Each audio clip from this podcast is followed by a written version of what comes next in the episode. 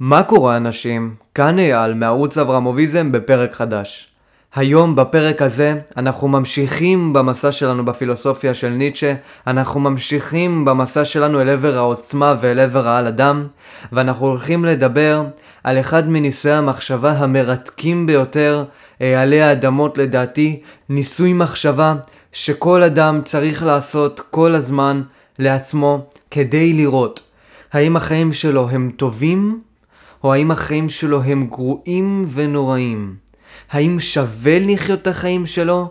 האם החיים שלו הם ראויים? או שמא החיים שלו הם לא שווים שום דבר ועדיף למות כמה שיותר מהר.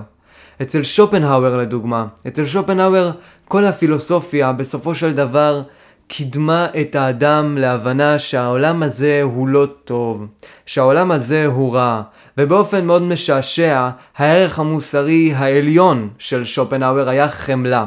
אנחנו הצגנו כבר שהקבוצה שהכי שונאת את העולם הזה, היהודים נוצרים, הם גם אלה שיצרו את המוסר של החמלה, הלחי השנייה והרחמים. בדיוק כמו שופנהאואר, 1835 אני חושב, בהוצאה שלו של הספר, העולם כרצון וכאידאה, בדיוק שם אנחנו מקבלים פילוסופיה פסימית, עלובה, ששונאת את החיים האלה, יוצרת ערך אתי עליון שנקרא חמלה, ומקדמת את הרעיון של ניתוק מהחיים האלה, התנזרות, סקפנות ושנאה עזה לאנשים שרואים איזשהו ערך עליון בחיים האלה, איזשהו ערך טוב בחיים האלה. אני לא מדבר על ערכים עליונים שמתנתקים מהחיים האלה, כמו ערכי המוסר היהודו-נוצרי והעולם הבא. אני מתכוון לערכים שנובעים מהחיים האלה.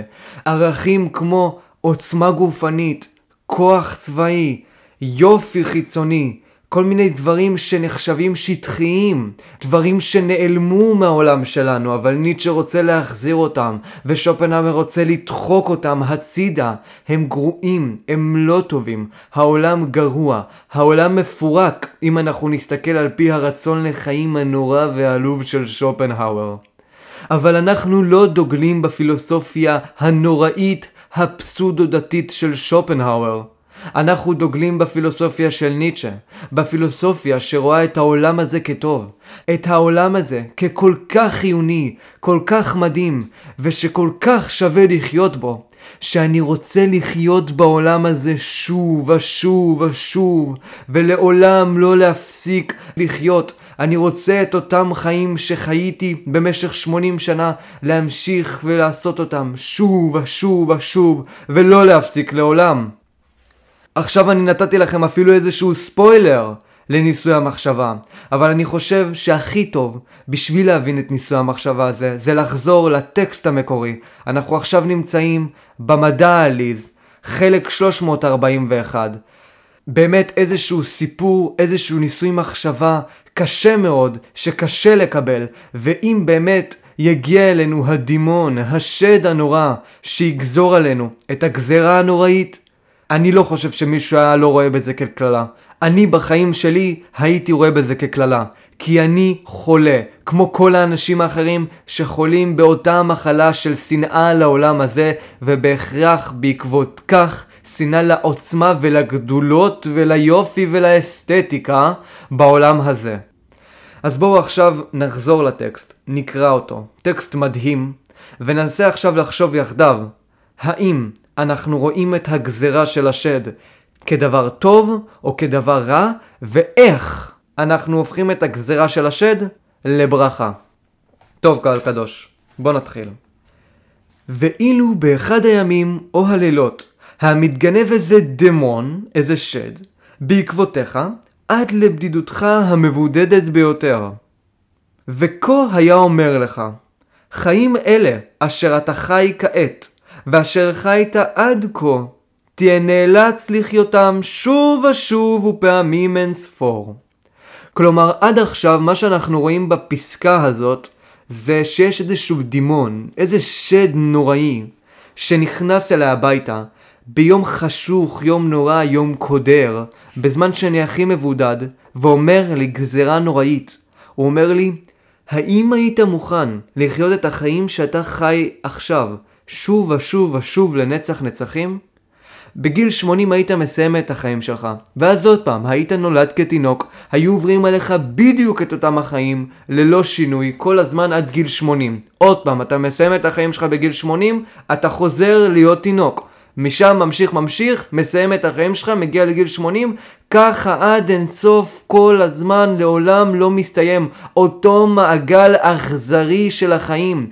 האם אתה מוכן לחיות את החיים שלך שוב ושוב ושוב בלי שום שינוי? האם אנחנו מסוגלים לקבל את זה?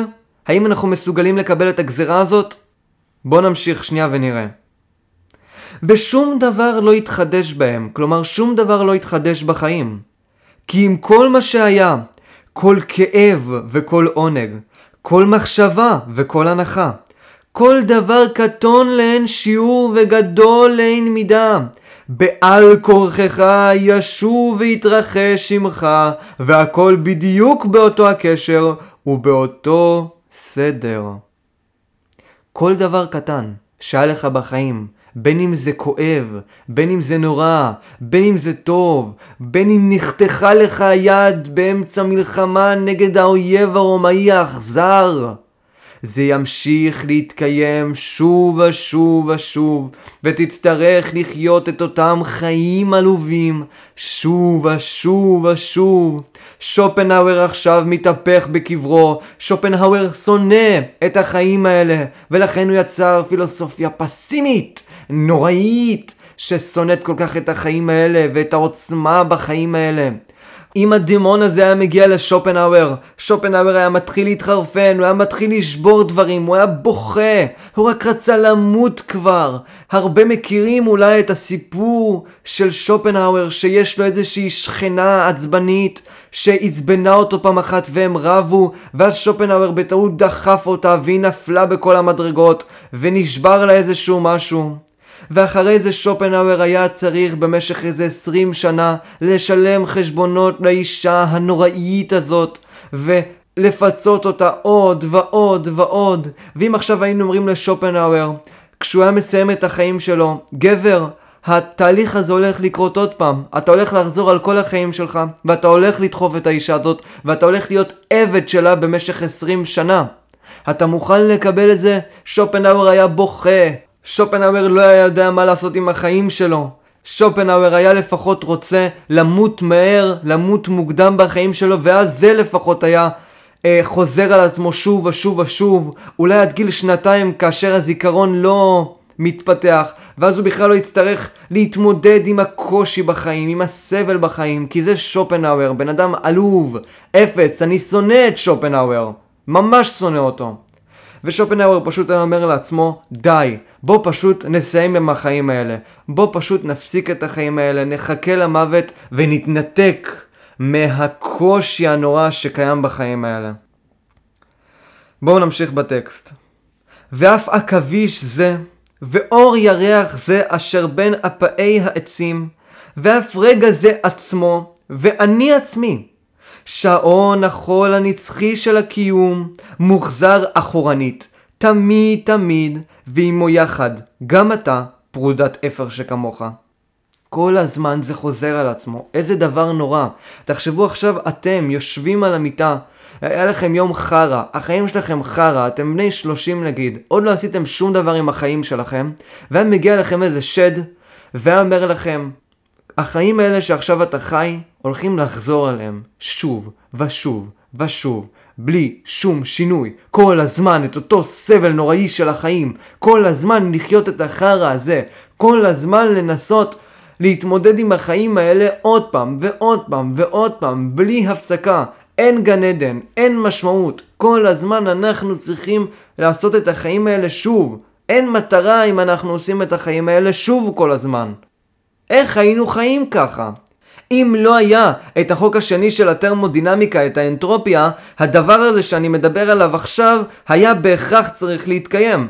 הרי קודם כל, מה שעכשיו אנחנו מדברים עליו לא יכול להתקיים, כי אם אנחנו מקבלים ברצינות את החוק השני של טרמודינמיקה, את האנטרופיה ביקום, האנטרופיה תמיד גדלה, ולכן שעון החול של היקום לא יכול לחזור אחורה כל הזמן אם אנחנו לוקחים ברצינות את החוק השני של הטרמודינמיקה.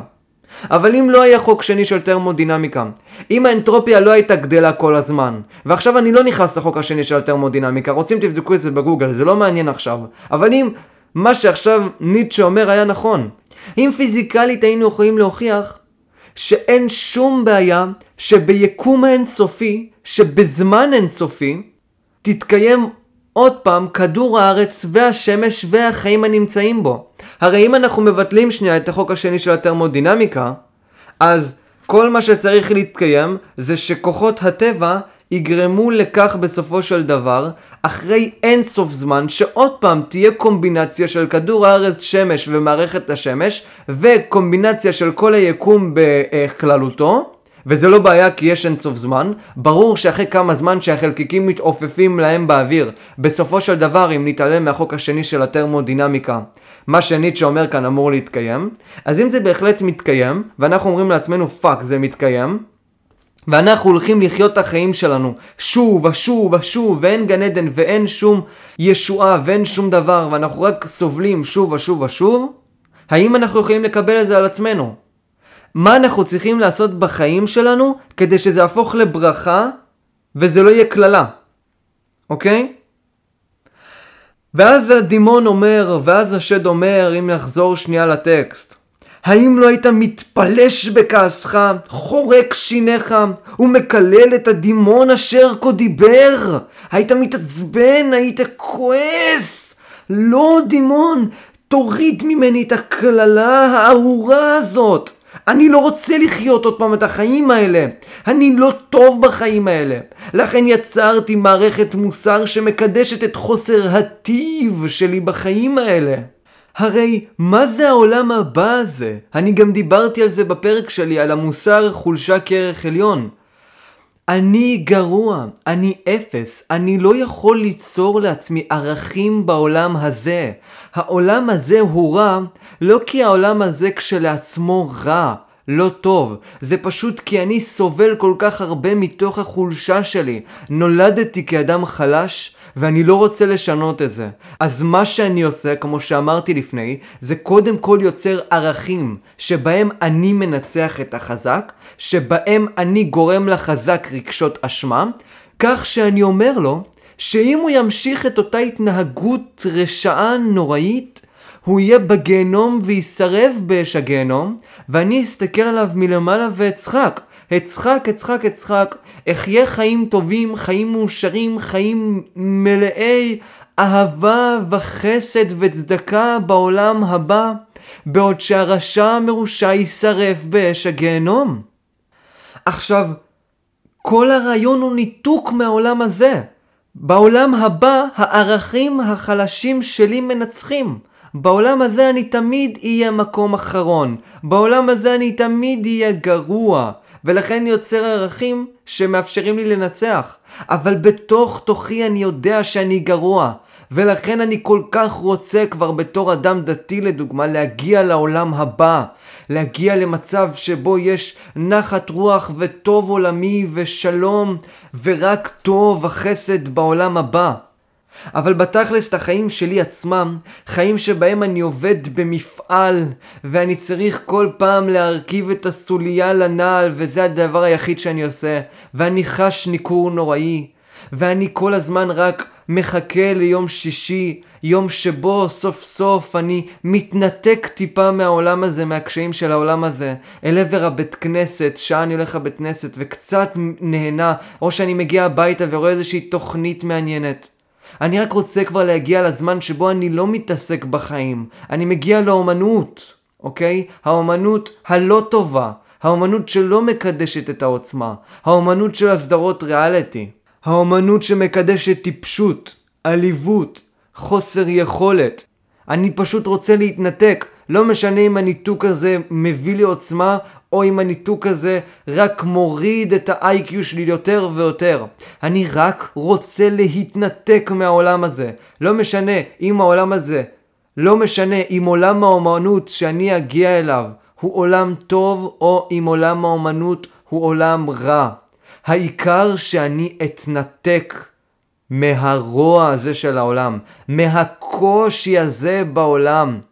אני לא אשכח את זה שדוד שלי אמר פעם אחת משפט מדהים, משפט שמסכם באופן מדהים את הטיפשות של המוסר היהודו-נוצרי.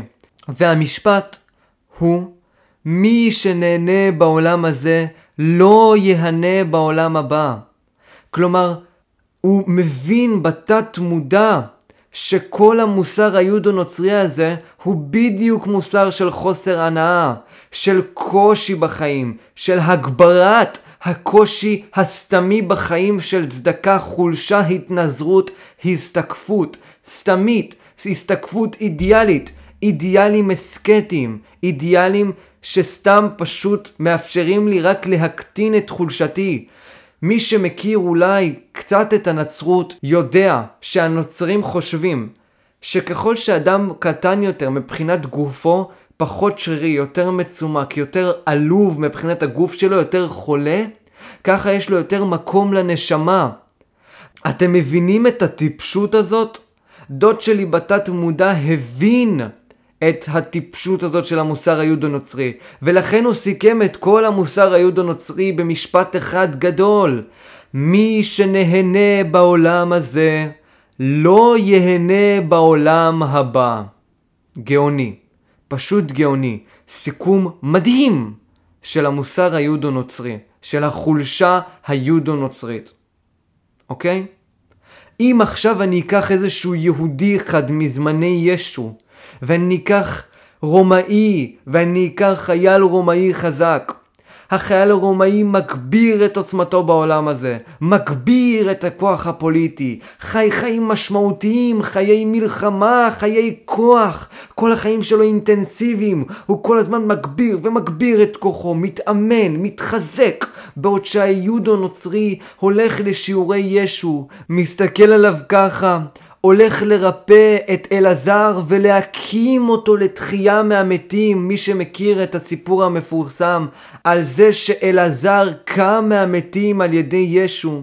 אז אותו איש עלוב יהודי פשוט מסתכל על כל מיני פעולות של ישו, הולך מפה לשם, מדוכא, עלוב, חלש, שונא את העולם הזה, העולם הזה מעצבן אותו, עולם שאין בו צדק חברתי. ולכן הוא יוצר לעצמו את העולם הבא. ולכן אם עכשיו הדמון היה מגיע לביתו של היהודי ולביתו של החייל הרומאי והיה אומר להם את הגזרה הנוראית היהודי היה נופל על הרצפה, משתטח וצועק, אלוהי אברהם, אלוהי יצחק ואלוהי יעקב. מה קרה כאן? איזה גזרה האלוהים שבשמיים נתת לי? מה אני לא אוכל להגיע לגן עדן? מה אני לא אוכל ליהנות מפירות גן עדן? ליהנות מחסד, מרחמים, מצדקה בגן עדן ולצחוק על העשירים והחזקים ועל הרומאים? והוא פשוט התחיל לבכות ולמשוך בשערו וללבוש עליו שק ואפר לעומת הרומאי החייל שיגיד עוד פעם אני הולך לעשות עוד פעם את החיים האלה של האינטנסיביות של הכוח של הגברת העוצמה איזה כיף אני לא מאמין שזה קורה לי, זה חלום! תודה רבה לך דימון, תודה רבה שאתה נותן לי להתחזק יותר. תודה רבה שאתה נותן לי לעבור את המסע המדהים הזה עוד פעם, להתחזק יותר, להגביר את העוצמה הפוליטית. תודה לך, הוא יגיד, הוא ייהנה, הוא ירגיש העלאה נפשית. הוא ירגיש שהוא מבורך על ידי הדמון, בניגוד ליהודי שירגיש שזה הסבל הכי גדול שאדם יכול לעבור. עד כה הסתכלנו רק על היהודים והנוצרים והדרך שבה הם יגיבו אם ייכנס הדמון ויגזור עליהם את הגזרה. אבל בואו נסתכל על קבוצות אחרות, על הסוציאליסטים לדוגמה. נחשוב עכשיו על איזשהו אחד סוציאליסט שיושב לו במיטתו ושר במקום קריאת שמע שעל המיטה ובמקום המלאך הגואל שיר ברכה ואהדה ללנין ופתאום נכנס דרך החלון הדמון וגוזר עליו את הגזרה הנוראית. ברגע הגזרה, הסוציאליסט ישתטח על הרצפה, ויצעק, אלוהי לנין, אלוהי סטלין, אלוהי צ'ה גווארה, עזרו לי, ביטלו את הגזרה הנוראית, החשוכת מרפא, שנגזרה עליי זה עתה. כך הוא יגיד, הוא יתחיל לבכות, הוא יתחיל ללבוש שק ואפר, הוא יתנזר מכל דבר בעולם הזה, בדיוק כמו היהודי הנוצרי. ולמה? כי העולם הזה חסר צדק. אין צדק חברתי. הרשעים הקפיטליסטים שולטים בכל. במקום ליצור הלאמה ושהמדינה תעשה הכל, יש עסקים פרטיים גדולים, טייקונים ענקיים, רשעים, כמו מפלצות, כמו אריות, שתופסות אותנו בעודנו חיים ונותנות לנו מסמך שאומר או שאתה עובד אצלי או שאתה גובע ברעב. ואני מאוד מקווה שהבנתם את הרפרנס לקרל מרקס. הם דופקים על השולחן. ככה זורקים עלינו את המסמך הזה, ואותם טייקונים כובלים אותנו בשרשראות, ואנחנו סוציאליסטים פועלים עלובים, נמכרים לעבדות כל חיינו על מנת לרצות את הטייקון המרושע. האם אני רוצה לחיות חיים כאלה, חיים בהם החזק והטוב מנצח? חיים בהם אין ניהיליזם פוסט מודרני? כמובן שלא, כי ברגע שאין ניהיליזם פוסט מודרני, ולא כולם שווים, פתאום מתחילים לשים לב שאני בתכלס גרוע. פתאום מתחילים לשים לב שאידיאל היופי לא כל כך נורא, שאידיאל היופי מייצג בריאות, עוצמה נשית, והוא לא רשע טהור שבא לפגוע בכל השמנות השחורות שנמצאות בכל מיני אזורים חשוכים בלוס אנג'לס. לא, ממש לא, קהל קדוש. הרי בדיוק באותו אופן שהגברים עם השכל לא רוצים לבטל את תחרויות פיתוח הגוף כי הם רואים בפיתוח גוף כעוצמה והם לא מקנאים בריץ' פיאנה או בזיז או בארנולד שוורצנגר. הם לא מקנאים בו אבל הנשים שונאות את החזקים, הן שונאות את הטובים, את הטייקונים, ואפילו הן כבר מתחילות לשנוא את הטובות מהן, את היפות מהן. ועכשיו בשנת 2022 רוצים לבטל את תחרות היופי בגלל שכמה פמיניסטיות עלובות אומרות שזה לא שוויוני, זה לא בסדר. אתם מקדשים אישה רזה כאילו זה טוב, כאילו זה ערך עליון, אבל פמיניסטית טיפשה, כמו שאמרתי בסרטון הקודם. אני מסכים איתך שאין טוב עליון ליופי, לעוצמה, לכוח, אבל אם אנחנו יכולים להסכים ביחד, וכנראה אנחנו לא יכולים להסכים, שהעולם עצמו הוא טוב, ושווה להתקדם בעולם הזה, בהכרח עוצמה נשית צריכה להתבטא בבריאות נשית. לא בהרחבת המימדים על ידי אכילה בלתי פוסקת במקדונלדס. כי אם החיים האלה טובים, אם החיים האלה ראויים, כמובן שעדיף אישה רזה שמתאמנת בחדר כושר ונראית טוב, כי להיראות טוב מאפשר לך אישה טיפשה לא למות בגיל 60, אלא למות בגיל 80, ולהביא צאצאים בריאים, ולהתחזק, ולהיות יפה, ולהיות יפה ומאושרת. וכל הטמטום הזה, שברגע שאני אישה שמנה, ואני רואה כל מיני נשים חזקות, במקום להבין שהן טובות, אני מבטלת את הקריטריונים שהופכים אותן לטובות. אני אומרת שאין דבר כזה בריאות, אין דבר כזה צורה מסוימת לאישה, אין דבר כזה שיער, לא יודע, אין דבר כזה כל מיני דברים שנמצאים בקריטריונים של אידיאל היופי, ולכן ברגע שאין קריטריונים, ברגע שאני לא יכול לבחון מי יותר יפה, אז הרחבת מימדים, השמנה הענקית, שווה בדיוק מבחינת היופי שלה כמו האישה שאשכרה הולכת להתאמן בחדר כושר, אשכרה נראית טוב ואשכרה נראית בריאה, חייכנית ואוהבת את החיים האלה ונהנית מהחיים האלה. לא, ברגע שאין לי את הקריטריונים האלה, אני לא יכול להגיד שהאישה הזאת שהולכת להתאמן בחדר כושר נראית טוב. לא, אני לא יכול. ואני גם לא יכול להגיד שהשמנה נראית טוב. ברגע שאין קריטריונים, כולן נראות טוב. כי אין קריטריונים שבהם אני יכול לבחון האם אחת נראית טוב והאם אחת נראית רע. זה למה הנשים רוצות פשוט לבטל את תחרות היופי, כי לטענתן זה פוגע בטווח הרחב שבו אישה יכולה להיות יפה.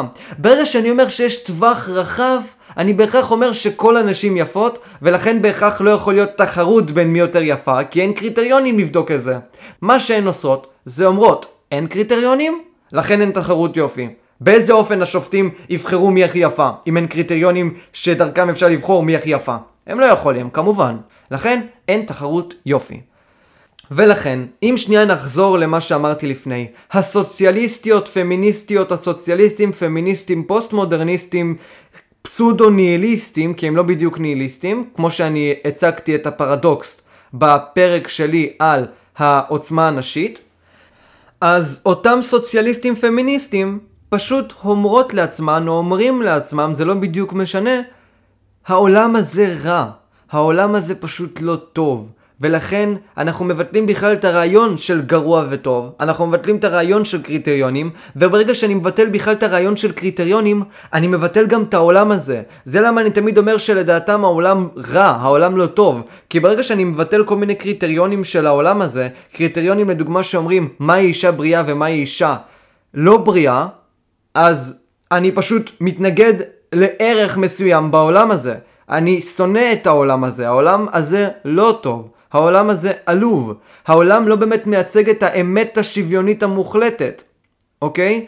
ואם עכשיו נקבל את אותה אוטופיה דמוקרטית סוציאליסטית, ואני לא בהכרח מדבר על האוטופיה המרקסיסטית, כי לדעתי האוטופיה הסוציאל דמוקרטית הרבה הרבה הרבה יותר גרועה. יש הבדלים כמובן בין המרקסיזם לסוציאל דמוקרטיה. אז אם ניקח את אותה אוטופיה סוציאל דמוקרטית שאין קריטריונים, כולם שווים, עולם פוסט מודרניסטי מוחלט, שכל פריט אומנותי שווה בהכרח לפריט האחר, אין תחרויות, יש שעמום, אין מלחמות, כולם חיים בשלום, אותה אוטופיה איינשטייניאנית, כמו שקראתי לזה בפרק הקודם, של איינשטיין, אותו סוציאליסט פציפיסט עלוב, זו לא אוטופיה, זו דיסאוטופיה. אין עוצמה, אין מלחמה, אין יריבויות, אין התקדמות. כל אחד חי חיים בינוניים, אף אחד לא שופט את האחר. כי אין דרך לשפוט כאשר אין לי את הקריטריונים שמאפשרים לי שפיטה ומאפשרים להגיד שאחד גרוע ואחד טוב. אנחנו חיים באיזשהו אה, עולם אופורי מוזר כזה שכולם שווים.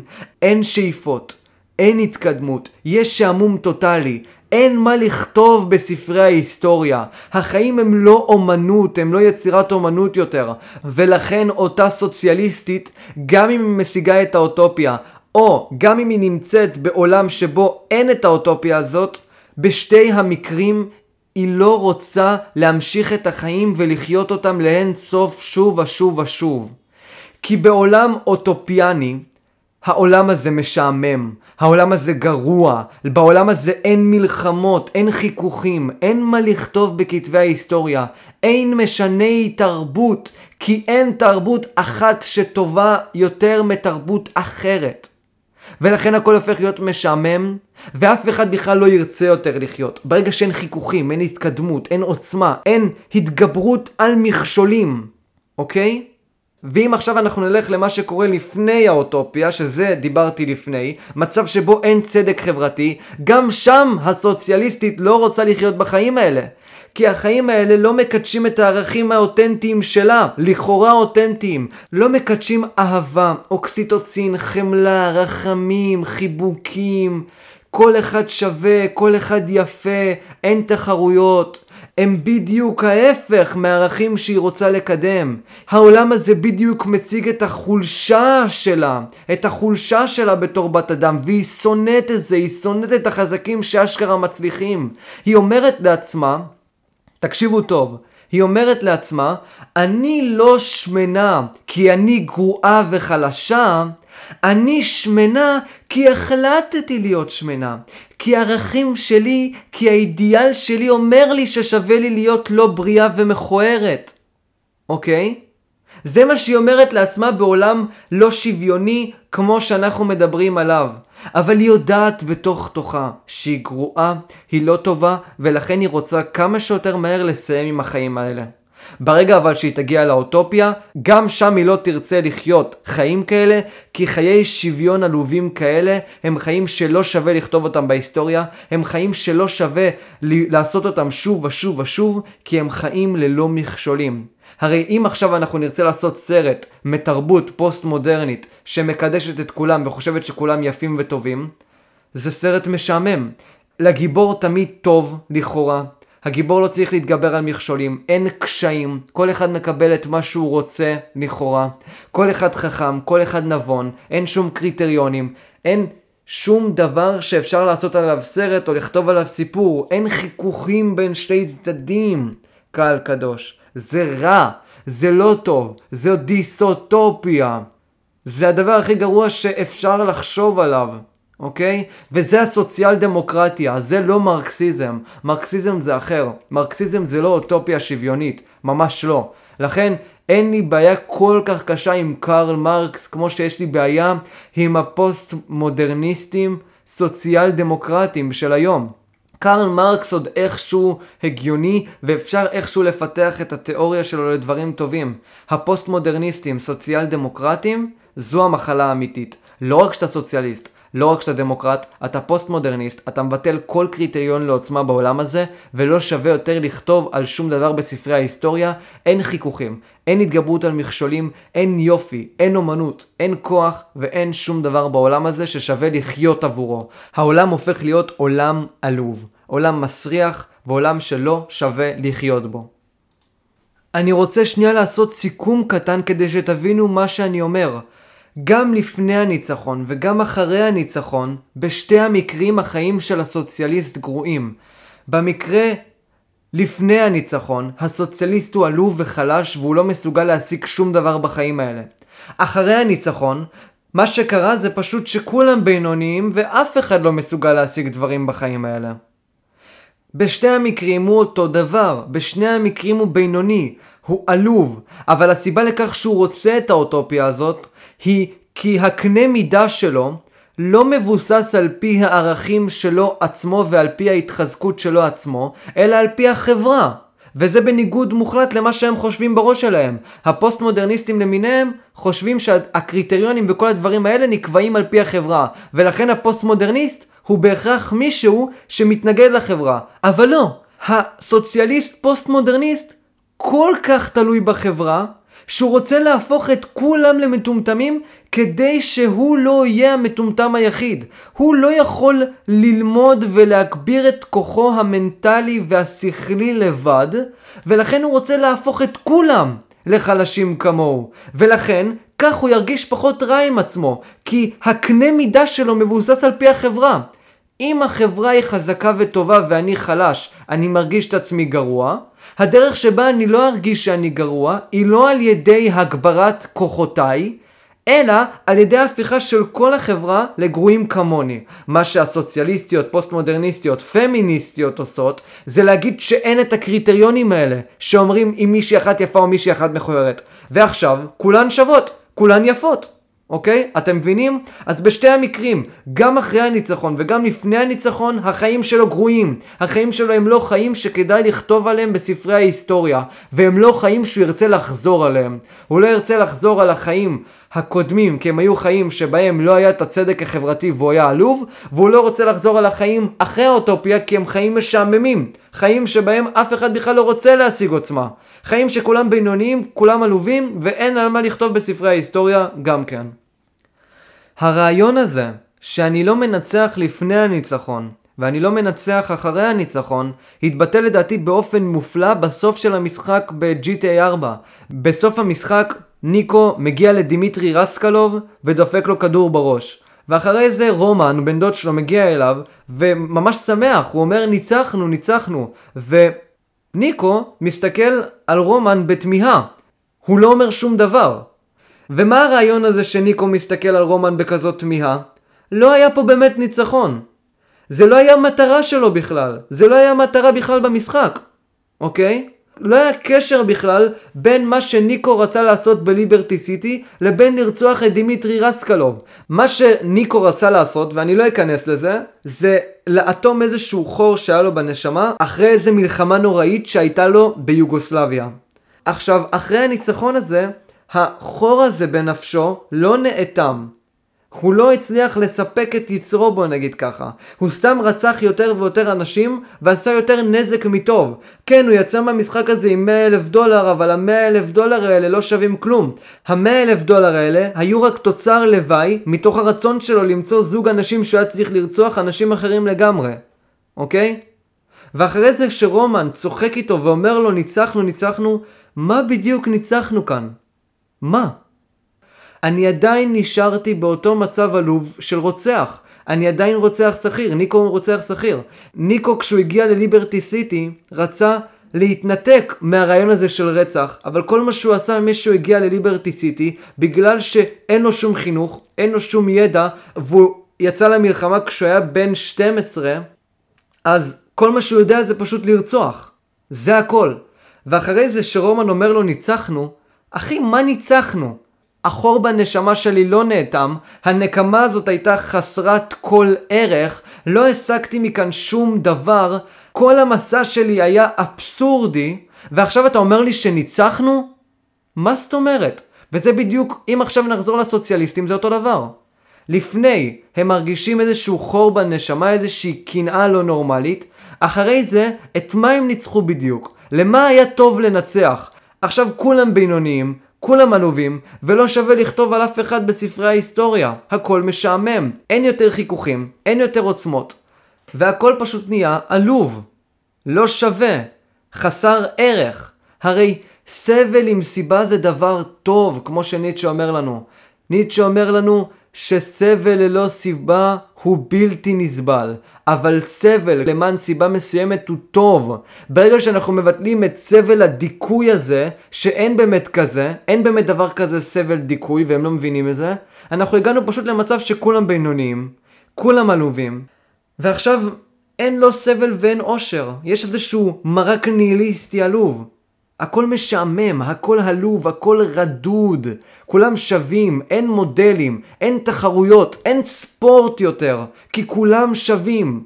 זה נורא, אוקיי? אותה אוטופיה קיצונית סוציאל דמוקרטית היא דבר נורא, לדעתי. היא פשוט דבר נורא. לא שווה לחיות בעולם כזה, עולם משעמם, אוקיי? כי בעולם הזה אני מבטל את הערכים של העוצמה בעולם הזה. אני מתנגד אליהם. אני מתנגד לחיכוכים. אני מתנגד לרוע, לקושי בעולם הזה. אני מתנגד למכשולים בעולם הזה. אני פשוט מבטל מכשול. ברגע שאני שמן, ואני מבטל את הקריטריונים למה זה אדם בריא ומה זה לא אדם בריא, אני לא מנצח את המכשול, אני לא גובר על מכשול, אני פשוט מעלים את המכשול. אין יותר מכשול. כולם בינוניים, כולם יפים כמוני. זהו. אין יותר מה להתקדם בעולם הזה, אוקיי? העולם עצמו במילא גרוע, במילא לא שווה להתקדם בו. אז אני פשוט מבטל את כל הקריטריונים להתקדמות בעולם הזה. לא אכפת לי יותר. אני הופך להיות ניהיליסט. זה מה שהם רוצים, ניהיליזם מוחלט. הם לא מבינים את זה, אבל זה מה שהם רוצים. ניהיליזם קריטריוני, ככה אני קורא לזה. ניהיליזם קריטריוני. כי אם אין קריטריונים, אם אין אמת שקר, אם אין טוב רע, אין כלום. אין ספורט.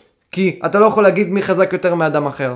אין פיתוח גוף, אין תחרויות פסנתר, אין יותר רובינשטיין ושופן, אין יותר כלום, כולם שווים, כולם חמודים. זה שאתה השתתפת זה טוב, לא שניצחת, העיקר שהשתתפת, זה טוב אצלנו. העיקר הכוונה, כמו שאמרתי לפני, אותן סוציאליסטיות עלובות בגנים סוציאליים, אומרים לתלמידים, אל תנסו לנצח, רק תשתתפו, רק הכוונה. עוד פעם, הסוציאליזם זה בסך הכל פשוט חיקוי עלוב, אותה גברת בשינוי אדרת של הדת. זה הכל. זה, זה, זה כל כך ברור. אחרי שאתה מנסה פשוט להסתכל על כל מיני פעולות של סוציאליסטים, ומנסה להשוות אותן לדת, אתה רואה שזה פשוט אותו דבר, רק שאין מתקף עליון ואין כל מיני פולחנים. זה הכל. אז ככה, בוא נמשיך ונראה האם יכולה להיות איזושהי קבוצה שכן יכולה איכשהו לקבל את הקללה הנוראית של השד כברכה עילאית שכל אחד היה רק רוצה לקבל אותו באותה קבוצה. ובשביל זה אנחנו ננסה להמשיך בטקסט, ואחרי זה אני אציג לכם האם באמת יכולה להיות קבוצה כזאת. אז אני שנייה אחזור על מה שדיברנו לפני כאילו בטקסט, ואחרי זה אני אמשיך כדי שיהיה לכם אה, רציפות. האם לא היית מתפלש בכעסך, חורק שיניך ומקלל את הדימון אשר כה דיבר? או שמא נתנסית אי פעם בשעה אדירה כל כך, בה היית יכול להשיב לו, אין זאת כי אם אל אתה, ומעודי לא שמעתי דברים אלוהים מאלה. אז הוא אומר, האם אדם שיושב בבדידות והדמון מגיע אליו, האם יכול להיות שתגיד, אין זאת כי אם אל אתה? כלומר עכשיו אני מייחס לדימון ערכים של אלוהים, ומעודי לא שמעתי דברים אלוהים מאלה, כלומר מה שהדימון אומר הוא ברכה, והוא לא דבר רע, הוא דבר אלוהי, הוא דבר קדוש. האם יכול להיות שבאמת יש אדם שיכול לעשות דבר כזה? להגיד שהדימון הוא בעצם האלוהים שלו? אילו השתלט עליך רעיון זה, בעודך כמו שהנך, הלא היית משנה אותך או אולי שוכחך עד דוק. השאלה לגבי כל דבר, האומנם רוצה אתה בכך שוב ושוב ופעמים אין ספור? כלומר עכשיו, ברגע הזה, האדם כל הזמן ישאל את עצמו, ברגע שתהיה עליו את הקללה הזאת, האם הפעולה שאני עושה עכשיו, שווה לי לעשות אותה המון המון פעמים לאין סוף? האם באמת שווה לי? האם באמת שווה לי עכשיו לקחת את הילד מהגן, ללכת לעבודה, לשלם מיסים, אה, ללכת לאוניברסיטה, ללכת לצבא, אה, לעשות ככה, לעשות ככה. ברגע שאני יודע שהחיים שלי הולכים לחזור שוב ושוב ושוב, האם לא כדאי שאני אעשה רק את הדברים הנכונים והכי טובים בחיים? אבל עכשיו נשאלת השאלה, מהם הדברים הנכונים והכי טובים בחיים שכדאי לי לחזור עליהם שוב ושוב ושוב ושוב בלי שימאס? האם יכול להיות דבר כזה? בשביל לענות על השאלה הזאת, אני קודם כל אסיים את הטקסט, אסיים לקרוא אותו, ואחרי זה באמת נשאל את עצמנו שאלה, מה נכון לעשות אם אני יודע שהחיים שלי יחזרו על עצמם שוב ושוב ושוב? שאלה זו הייתה אזי רובצת על כל מעשיך בכובד משקל שאין כבד ממנו. זה השאלה הכי חשובה. ברגע שאני אעשה פעולה מסוימת, זה השאלה הכי חשובה שתיכה להיות לי. האומנם רוצה אתה בכך שוב ושוב ופעמים אין ספור? זה השאלה. האם אני רוצה לעשות את הפעולה שעכשיו אני עושה שוב ושוב ושוב ושוב אלף פעמים? או שמא תהא חייב להעשות דורש טוב לעצמך ולחיים, עד כדי כך שלא תשאל לנפשך שום דבר מלבד אישור בר קיימא זה וחותמת נצחית זו. כלומר, מה שניטשה אומר לנו כאן בסוף, זה שהאדם ממש יתמכר לשאלה הזאת, והוא יתחיל לשאול את עצמו כל פעם שהוא עושה פעולה, האם כדאי לעשות את הפעולה הזאת שוב ושוב ושוב לנצח נצחים. אבל עכשיו נשאלת השאלה, כמו שאמרתי לפני, איך אנחנו יודעים מה נכון ומה לא נכון, ומה כדאי לעשות אלפי פעמים ומה לא כדאי לעשות אלפי פעמים. זו שאלה מעניינת, מה כדאי ומה לא כדאי. אני חושב, וזו תשובה אישית שלי, שאני לא יודע אם ניטשה חשב כך או לא חשב כך, אבל אני חושב כך, אנחנו צריכים להפוך את החיים שלנו ליצירת אומנות. ממש לסיפור שכדאי לכתוב עליו ספר, או לעשות עליו סרט. הרי כשאנחנו עכשיו מסתכלים על גיבור בסרט, אנחנו לא רוצים שלגיבור יהיה רק טוב. אנחנו גם לא רוצים שלגיבור יהיה רק רע.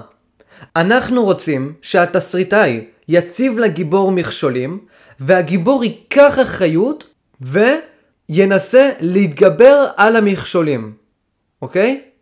עכשיו, המכשולים האלה צריכים להיות מכשולים שמייצגים את התכונות הטובות של הגיבור, אוקיי? לתת לו מכשול כמו אני לא יודע לשלם מיסים למרות שהגיבור שלנו איזשהו גאון פוליטי, זה דבילי. התסריטאי צריך לתת לגיבור מכשולים שקשורים לפוליטיקה, שקשורים לדברים שהוא יכול לעשות, שקשורים לאותנטיות שלו, שקשורים לאדם עצמו, לגיבור עצמו. לגיבור יש כמה תכונות מסוימות, ועל פי התכונות האלה הוא צריך לקבל מכשולים שתואמים לתכונות שלו. מכשול כמו איך לשלם מיסים, או איך אני משחק ב-World of Warcraft כמו שצריך, לא מתאים לגיבור, כמו שאמרתי, שכל מה שהוא רוצה להיות זה גאון פוליטי או פרשן פוליטי או אפילו להקים מפלגה. מה הקשר? אז מה שהתסריטאי עושה זה יוצר מכשולים לגיבור כדי שהגיבור יוכל להתחזק ולהעצים את תכונותיו שכבר נמצאות בו. זה בדיוק מה שהאדם צריך לעשות בחיים שלו, שמגבירים כך את עוצמתו. לדוגמה, אם אדם מאוד אוהב ספורט, והוא אוהב כדורגל, הוא צריך להתקדם בכדורגל, הוא צריך להגביר את כוחו בכדורגל. אבל המוסר שלו, וזה עוד לא נכנסתי אליו, המוסר שלו צריך להיות מוסר ניטשיאני. עכשיו מוסר ניטשיאני דומה מאוד למוסר ספורט. במוסר ספורט, אם אני כדורגלן, אני לא מתחיל לקנא בקבוצות אחרות, או בשחקנים אחרים, או להגיד שזה לא פייר שאני חלש והם חזקים. אני צריך להתחזק ולהגביר את כוחי כל הזמן, באופן אינדיבידואלי. והקנה מידה שלי צריך להיות קנה מידה של אני עצמי, שאני תמיד עושה התגברות עצמית. אני לא עובר התגברות עצמית על שחקן מסוים. כי אם אני רוצה לעבור התגברות עצמית על שחקן מסוים, מה שאני יכול לעשות, ועל זה דיברתי בפרק שלי על מוסר האדונים אני חושב, מה שאני צריך לעשות, זה פשוט לפגוע בשחקן האחר. לכן כשאני יוצר קנה מידה שתלוי בשחקן אחר, העוצמה שלי לא תהיה אובייקטיבית, העוצמה שלי תהיה יחסית לאדם שפגעתי בו. אני רוצה להיות יותר טוב ממסי, אז אני כורת למסי את הרגליים. עכשיו אני יותר טוב ממסי. אבל האם אני עליתי בסולם הדרגות שיצרתי לעצמי שמגביר את עוצמתי? האם אני עברתי התגברות עצמית? לא, נכון? ממש לא. כלומר, בשביל שאדם ירצה לחזור על החיים שלו שוב ושוב ושוב, הוא צריך קודם כל להגיד שהחיים עצמם טובים, כלומר לקבל את החיים עצמם כטובים וכשווים להתקדמות בהם. הוא צריך להבין מתוך כך כמובן נובע שהתגברות עצמית בחיים האלה זה דבר טוב, להגביר את העוצמה זה דבר טוב, כי הערך של ויטליות, חיוניות, אין מה לעשות, אנחנו יודעים את זה, הוא ערך עליון במין האנושי ובעולם החיות. חיה תמיד רוצה להגביר את כוחה, להגביר את, אה, את הטריטוריות שלה, בוא נגיד ככה, להתחזק, להתעצם, כי זה מאפשר הולדה טובה יותר של הצאצאים, ובמיוחד זה הולך עם הזכרים. הזכרים מאוד אוהבים להתעצם, כי הנשים עושות סלקציה על גברים חזקים וחלשים. אם אתה גבר חזק, אתה תזכה להעביר את הגנים שלך, אם אתה גבר חלש, אתה לא תזכה להעביר את הגנים שלך. ולדוגמה, אם עכשיו נחשוב על הגבר אחד החזקים שהיו אי פעם, ג'ינגס חאן. באנליזות שעשו כיום, אנליזות גנטיות שעשו כיום, אנחנו שמים לב שכל אדם חמישי באסיה הוא צאצא של ג'ינגס חאן. למה כל אדם חמישי באסיה הוא צאצא של ג'ינגס חאן? כי ג'ינגס חאן היה עוצמתי פיצוצים. הוא היה חזק, ולכן הרבה נשים בחרו בו, בוא נגיד ככה. אז עוצמה זה ערך עליון בעולם החיות ובעולם האנושי.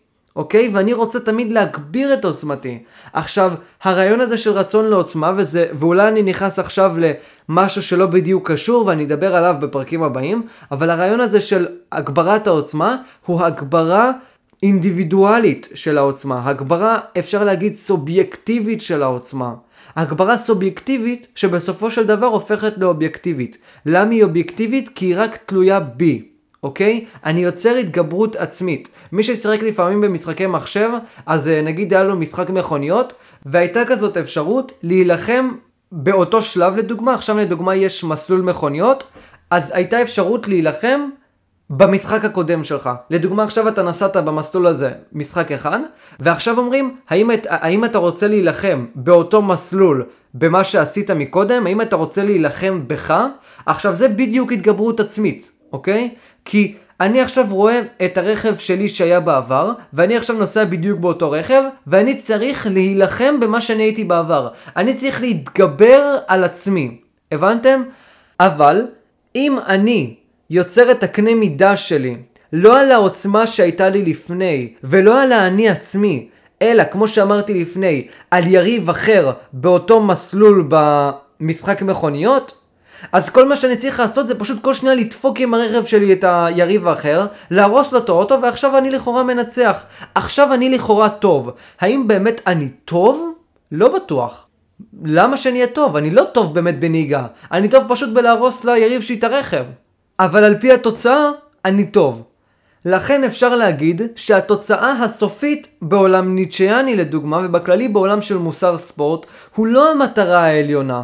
כי הדרך שבה אני אגיע לניצחון, אגיע למטרה, יכולה להיות גם על ידי הרעלה של היריב שלי. אני מרעיל את היריב, אוקיי?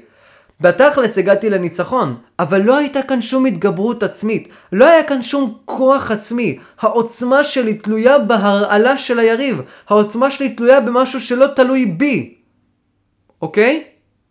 ולכן, בסופו של דבר העוצמה הזאת שיצרתי הופכת להיות אובייקטיבית. כי היא לא תלויה בשום גורם חיצוני, היא רק תלויה בי ובקריטריונים של המשחק. כמובן שיש קריטריון גם שצריך לנצח, אבל הוא קריטריון קצת בעייתי. זה לא שצריך לנצח, זה שצריך לנצח את עצמך. ברגע שאתה תצליח לנצח את עצמך, בסופו של דבר אתה גם תצליח לנצח, אל תדאג. אם תחיה בעולם ניטשיאני ותתחיל לנצח את עצמך כל הזמן, בסופו של דבר אתה גם תצליח לנצח את היריבים האחרים, במידה והם לא ירעילו אותך, ובמידה וכולם נמצאים בראש שלהם עם מוסר ספורט ניטשיאני. אם יש לכולם מוסר נאצי יודו נוצרי, הם יתחילו להרעיל אחד את השני, ואף אחד לא באמת יהיה חזק, כולם יהיו חלשים, וכבר לא יהיה מוסר ספורט. לא יהיה ספורט בכלל. זה יהיה משעמם, זה יהיה מטומטם. אוקיי? אז האדם שירצה לחיות את אותם חיים שוב ושוב ושוב בלי שום שינוי, הוא אדם שמצליח ליצור עוצמה אותנטית והתגברות עצמית. אדם שרואה את העולם עצמו כטוב, מבין שהתגברות עצמית בעולם הזאת זה טוב, ולכן הדבר הנכון, כמו שאמרתי לפני, מה נכון לעשות בעולם שבו אני חוזר על החיים שלי שוב ושוב ושוב? הדבר הנכון לעשות, אם העולם הוא טוב, זה תמיד להתחזק, תמיד להגביר את כוחי, וברגע שאני אסיים את החיים שלי, לדוגמה בגיל 80, אני אסתכל ברטרוספקטיבה על כל החיים שלי ואני אגיד, וואו, שווה לי עכשיו לחזור על החיים האלה עוד פעם. כאלה חיים משמעותיים, כאלה חיים חיוניים, חזקים, בהם התחזקתי עוד ועוד ועוד. הגברתי את כוחי, הגברתי את כוחות החיים, הגברתי את האינטנסיביות. ניטשה טוען שזה ממש ערך אנושי ביולוגי אפילו, הגברת החיוניות, הגברת כוחות החיים. מי ששיחק לדוגמה במשחק מאוד קשה, אחרי שהוא סיים את המשחק הנורא נורא קשה הזה, כמו אולי דארק סולס, אז הוא מסתכל על כל החיים שלו במשחק הזה, בוא נגיד ככה, על כל ההתקדמות, על כל ההרפתקה. והמשחק הזה היה כל כך קשה, וכל כך הרבה יזע ודמעות הושקעו לטובת המשחק ולטובת סיומו וניצחון על פני החיות האכזריות. ואדם לא אומר וואלה לא היה שווה לי לשחק בזה זה סתם היה ממש קשה. האדם רואה בקושי הזה, בהתגברות העצמית הזאת, כדבר טוב. אוקיי? הוא רואה בזה קהילאי, וכל מי ששיחק בדארק סולס רוצה לשחק במשחק הזה עוד פעם. כי זה היה כל כך כיף להתגבר, להגביר את העוצמה כל הזמן. איזה כיף זה יהיה אם עכשיו אני אמחק את כל הניקוד שלי שעשיתי עד עכשיו, לדוגמה סיימתי את המשחק ונתחיל את המשחק עוד פעם. ואני אהנה עוד פעם מההרפתקה הזאת, מאותה הרפתקה שבה אני מעצים את כוחי ומגביר את האותנטיות שלי. ומה שטוב במשחקים כמו דארק סולס, זה שכל אחד יכול לבחור את הפלייסטייל שלו. את הסטייל של המשחק שלו. יש מישהו שטוב בהתגנבות, יש מישהו שטוב בפשוט לרוץ ולרצוח, כל מיני דברים כאלה. ואני משפר את הסקילים שלי ואת התובנות שלי מהמשחק, וככה אני מתחזק יותר ויותר.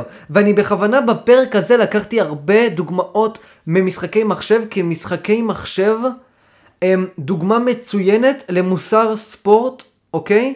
ומוסר ניטשיאני.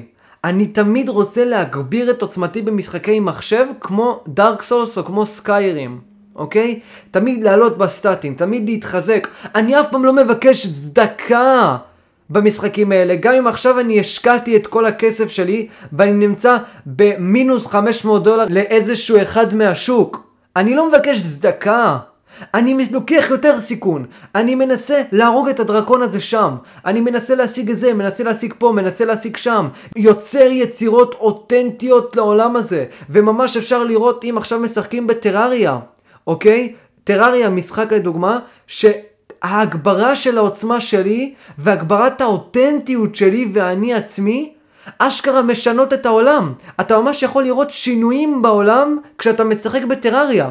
אשכרה אתה יכול לראות השפעה על העולם וזה מחזק אותך ואתה אומר וואו איזה יופי שאני הצלחתי להשפיע על כל הטוב הזה בעולם הזה ואחרי שאתה מסיים את טרריה ומסיים את המונלורד אתה אומר לעצמך וואו זה היה כל כך כיף להתחזק, כל כך כיף להרגיש את פירות העוצמה האלה, שאני רוצה לעשות את זה שוב. אותו דבר לדוגמה עם האימונים שהיו לי פעם, פעם הייתי חזק, פעם הייתי עוצמתי, כמו שאמרתי, בפרק שלי נראה לי על מוסר האדונים או על מוסר עבדים, אני כבר לא זוכר. ועכשיו, אני ירדתי באיזה 12 קילו או 10 קילו, כי אני לא מתאמן עכשיו, כי אני, כי אני אחרי פציעה. וזה למה אני עושה גם את הפודקאסט הזה בתכלס. זה הכל נובע מחולשה ארורה. גם אני חלש בדיוק כמו מי ששומע עכשיו את הפודקאסט. אז אין לי שום בעיה עכשיו עוד פעם להגיע לחדר כושר כשאני אבריא, ועוד פעם לעבור את אותו תהליך של התחזקות. זה לא המטרה עצמה, בסופו של דבר, של להיות חזק וחסון.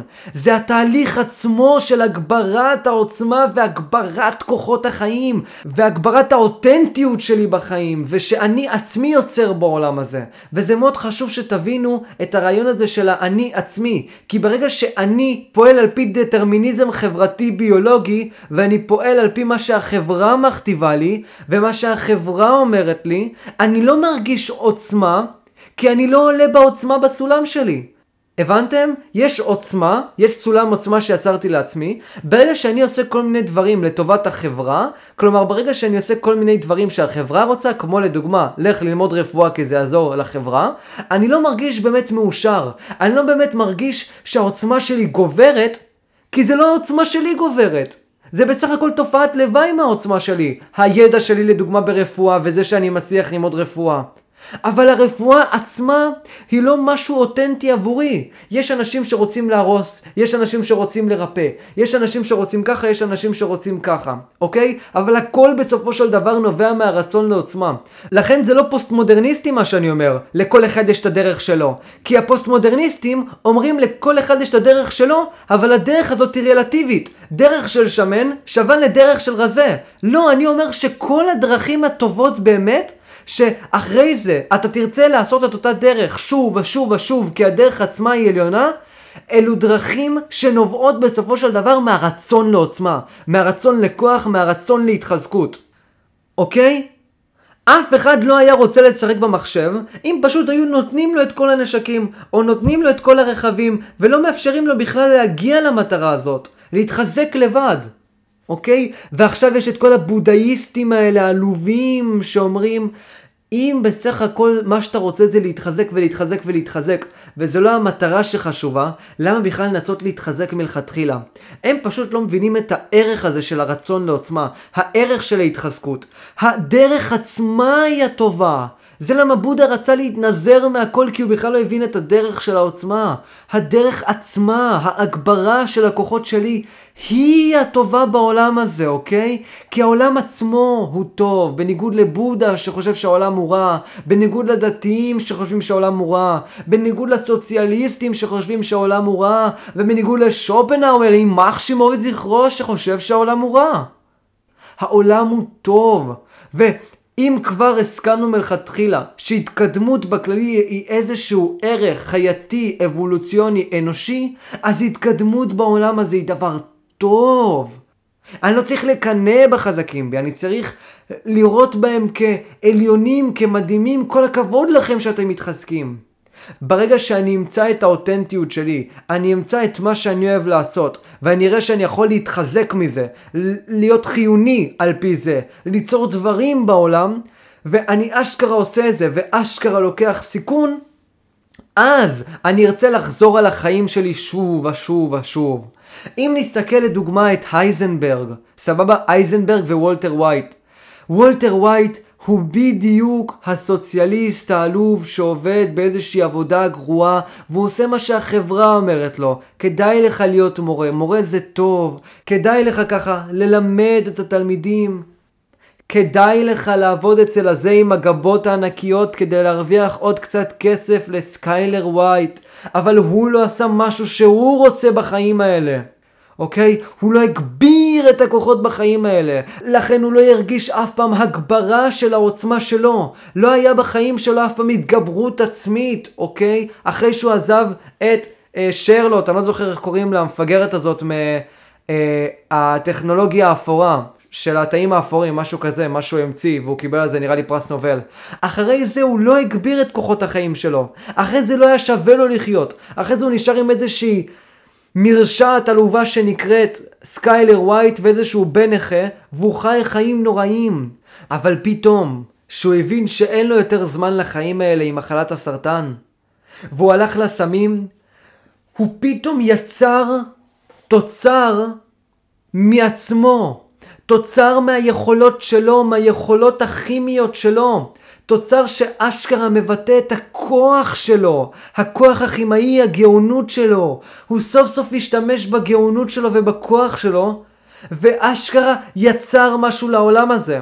גם אם זה לכאורה רע, הוא אשכרה יצר משהו מהאותנטיות שלו, מהפוטנציאל שלו, מהידע שלו, אוקיי? ולכן אם עכשיו הייתם שואלים את הייזנברג, אתה רוצה לחיות את השנתיים האחרונות שלך, השנתיים של הרציחות, של הקושי, של המוות הנורא האחרון, של האישה המרשעת שתמיד אומרת לך מה לעשות, של הבן המסריח שחושב שצריך לקרוא לו פלין ולא וולטר? אתה רוצה לחיות את אותם חיים עוד פעם? למרות הקושי הנורא, אתה גם תקבל את הטוב, אבל גם תקבל את הסבל? והוא יגיד, כן, אני רוצה, אני רוצה לחיות את החיים האלה עוד פעם, אני רוצה לחיות את השנתיים האלה עוד פעם ועוד פעם ועוד פעם, לאין סוף. אוקיי? ואפילו אם הייתם אומרים לו, את כל החיים, תחיה את כל החיים שלך, כולל ה-20 שנה בין זה שהוא יצר את החברת הייטק הזאת, לבין זה שהוא הפך להיות אייזנברג, כולל ה-20 שנה הנוראים האלה. אני רוצה את כולם, כי בסופו של דבר אני הגעתי לכזאת גדולה, לכזה כוח, ואני הצלחתי מהאותנטיות שלי, מהאני עצמי שלי, לעשות דברים בעולם הזה. אני לא נכשלתי והסכמתי תמיד לאישה הבזויה שלי ועשיתי מה שהיא רוצה בשנתיים האחרונות של חיי. אני פעלתי לעצמי. ובסופו של דבר, בפרק האחרון אני חושב, הוא הולך לסקיילר ווייט המרשעת, והוא אומר לה, אני לא עשיתי את זה בשביל המשפחה. אני עשיתי את זה בשביל עצמי. אהבתי את זה. הייתי טוב בזה, ולכן עשיתי את זה. לא הייתי טוב בללמד, הוא היה דווקא חרא של מורה. עם השלוש סצנות שהיו לו שהוא לימד, זה היה דווקא שיעורים די גרועים. הוא היה חרא של מנקה מכוניות, הוא היה חרא של הכל, אוקיי? הוא היה קקה, הוא לא היה גבר. בפרק הראשון רואים את הנק, הגבר הגיבור, מול וולטר העלוב הבזוי שלובש סוודרים מוזרים כאלה של חנונים. ופתאום הוא מגלה את עצמו מחדש, הוא נהיה חזק, הוא נהיה גיבור, אוקיי? הוא לוקח סיכון, כי הוא יודע שאין לו יותר מדי זמן לחיים האלה, אוקיי? הוא היה יכול להיות עכשיו כמו סוציאליסט עלוב, ללכת להפגין ברחובות, להגיד זה לא בסדר, זה לא בסדר שאני לא מקבל תרופות לסרטן שלי. לא, הוא לקח אחריות, הוא הגביר את הכוחות שלו, הגביר את העוצמה שלו, יצר אשכרה מוצר שמבטא את עצמו, מבטא את האותנטיות שלו, עלה בסולם הערכים בעולם הכוח, בעולם ההיררכיה של המאפיה. ועם הכסף שהוא יצר, שהוא הרוויח, הוא הצליח לשלם על הסרטן שלו, אוקיי?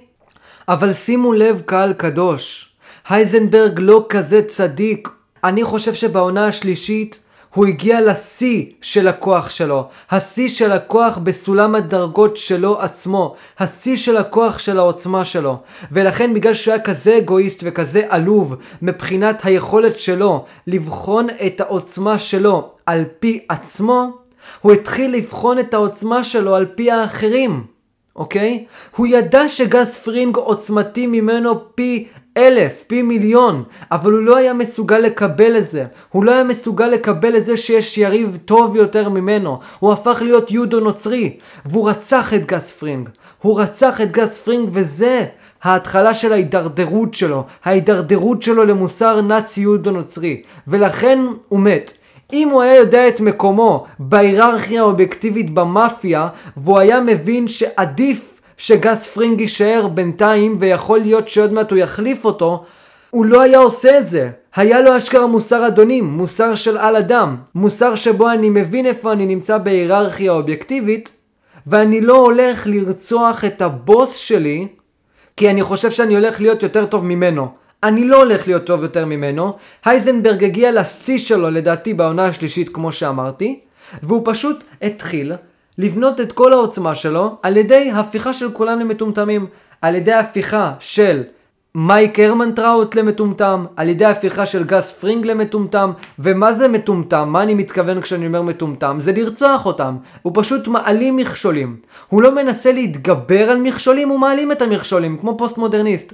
עכשיו הוא עושה את זה בדרך של מוסר נאצי. הפוסט מודרניסט פשוט ילך לגס פרינג, כמו מטומטם, ויגיד לו, על פי איזה קריטריונים אתה טוב יותר ממני? ואחרי זה יגיד לו את הקריטריונים הברורים, והפוסט מודרניסט יגיד, לא מסכים איתך, אין את הקריטריונים האלה, אני מטומטם.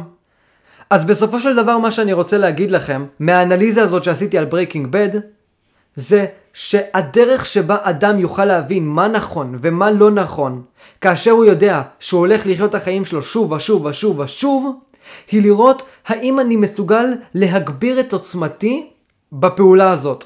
אם אני לא מסוגל להגביר את עוצמתי, ועוצמתי האותנטית שנובעת ממני, העוצמה הפוזיטיבית, אוקיי? לא העוצמה התלותית. אם אני לא מסוגל להגביר את העוצמה האותנטית, אין צורך לעשות את הפעולה הזאת. אם אני מסוגל, מצוין, תעשה את זה. ואחרי זה כשתסיים את החיים שלך, אתה תסתכל אחורה ואתה תגיד, וואו, איזה עולם מדהים. איזה עולם גדול ואיזה כיף זה להתחזק בעולם הזה. אני רוצה להתחיל את העולם הזה מההתחלה. כמו שאני רוצה להתחיל ספר מההתחלה, כמו שאני רוצה להתחיל משחק מחשב מההתחלה, וזה במיוחד הולך עם משחקים, וכמו שאני רוצה עכשיו להתחיל להיכנס לחדר כושר מההתחלה ולהגביר את עוצמתי פעם נוספת. כי הדרך עצמה להתקדמות, הדרך עצמה לעוצמה היא עילאית. אין שני לה. היא מדהימה, אוקיי? ואם אני לא מסוגל לעשות את זה ואני מעדיף להיות סוציאליסט, אני, כמו שאמרתי לפני, יתחיל לבכות ולהגיד אלוהי אברהם, אלוהי יצחק ואלוהי יעקב, או כמו שהסוציאליסט יגיד, אלוהי סטלין, אלוהי לנין, אלוהי צ'ה גווארה, בבקשה תסיים את אותה גזרה הנוראית שהדמון הארור הטיל עליי. אני לא רוצה לחיות בעולם לא צודק. למה אני לא רוצה לחיות בעולם לא צודק? כי בעולם הצדק הסוציאליסטי, אני אהיה טוב כמו כולם. בעולם שעכשיו אני נמצא בו, שאני שמן עלוב שכל היום יושב ומשחק במחשב, אני לא הולך להיות טוב יותר כמו כולם. הבנתם? הייזנברג, עד העונה השלישית הוא רצה רק להיות טוב, להגביר את האותנטיות שלו, להגביר את הכוח שלו. אחרי זה בעונה הרביעית והחמישית הוא כבר רצה להתחיל להיות טוב יותר מכולם. והדרך שבה הוא רצה להיות טוב יותר מכולם היא לא על ידי התגברות עצמית, אלא על ידי פגיעה ביריבים שלי. לא על ידי תחרות הוגנת, אלא על ידי הרס של היריבים והאויבים שלי. זה המוסר הנאצי. פעם היה לו מוסר אדונים, אוקיי? לא מוסר על אדם אבל. לאייזנברג אין בדיוק מוסר על אדם, יש לו מוסר אדונים. אחרי זה היה לו מוסר נאצי, והוא התחיל להיות נאצי, אוקיי? לפני לא, ממש לא. אז אני מקווה שהבנתם את ניסוי המחשבה המהפכני הזה. ניסוי מחשבה שבסופו של דבר דורש מהאדם שחושב עליו לחשוב האם החיים שלי ראויים, משמעותיים, טובים או לא. האם אני אוהב לחיות את החיים שלי? איזה פעולות אני צריך לעשות כדי לאהוב לחיות את החיים שלי. וזה הפעולות שניטשה מציע לנו. הגברת כוחות החיים, הגברת העוצמה האותנטית, הגברת הכוח שלי בכללי בעולם הזה והחיוניות שלי בעולם הזה. עכשיו אני יודע שמאוד קשה לתפוס את הרעיון הזה של רצון לעוצמה. ולכן מה שאני הולך לעשות בפרק הבא זה הסבר מפורט על הרצון לעוצמה, ואחרי זה אתם תבינו בדיוק איך אתם הופכים את החיים שלכם לחיים שכדאי לחיות אותם שוב ושוב ושוב ולא להפסיק לעולם. חיים מדהימים, חיים שפשוט כיף לחיות אותם. חיים משמעותיים, חיוניים, חיים של כוח ועוצמה. אז תירשמו לערוץ, תעשו לייק, תגיבו בספוטיפיי, יוטיוב, בכל מיני מקומות כאלה, ונשתמע. ביי ביי. ביי ביי.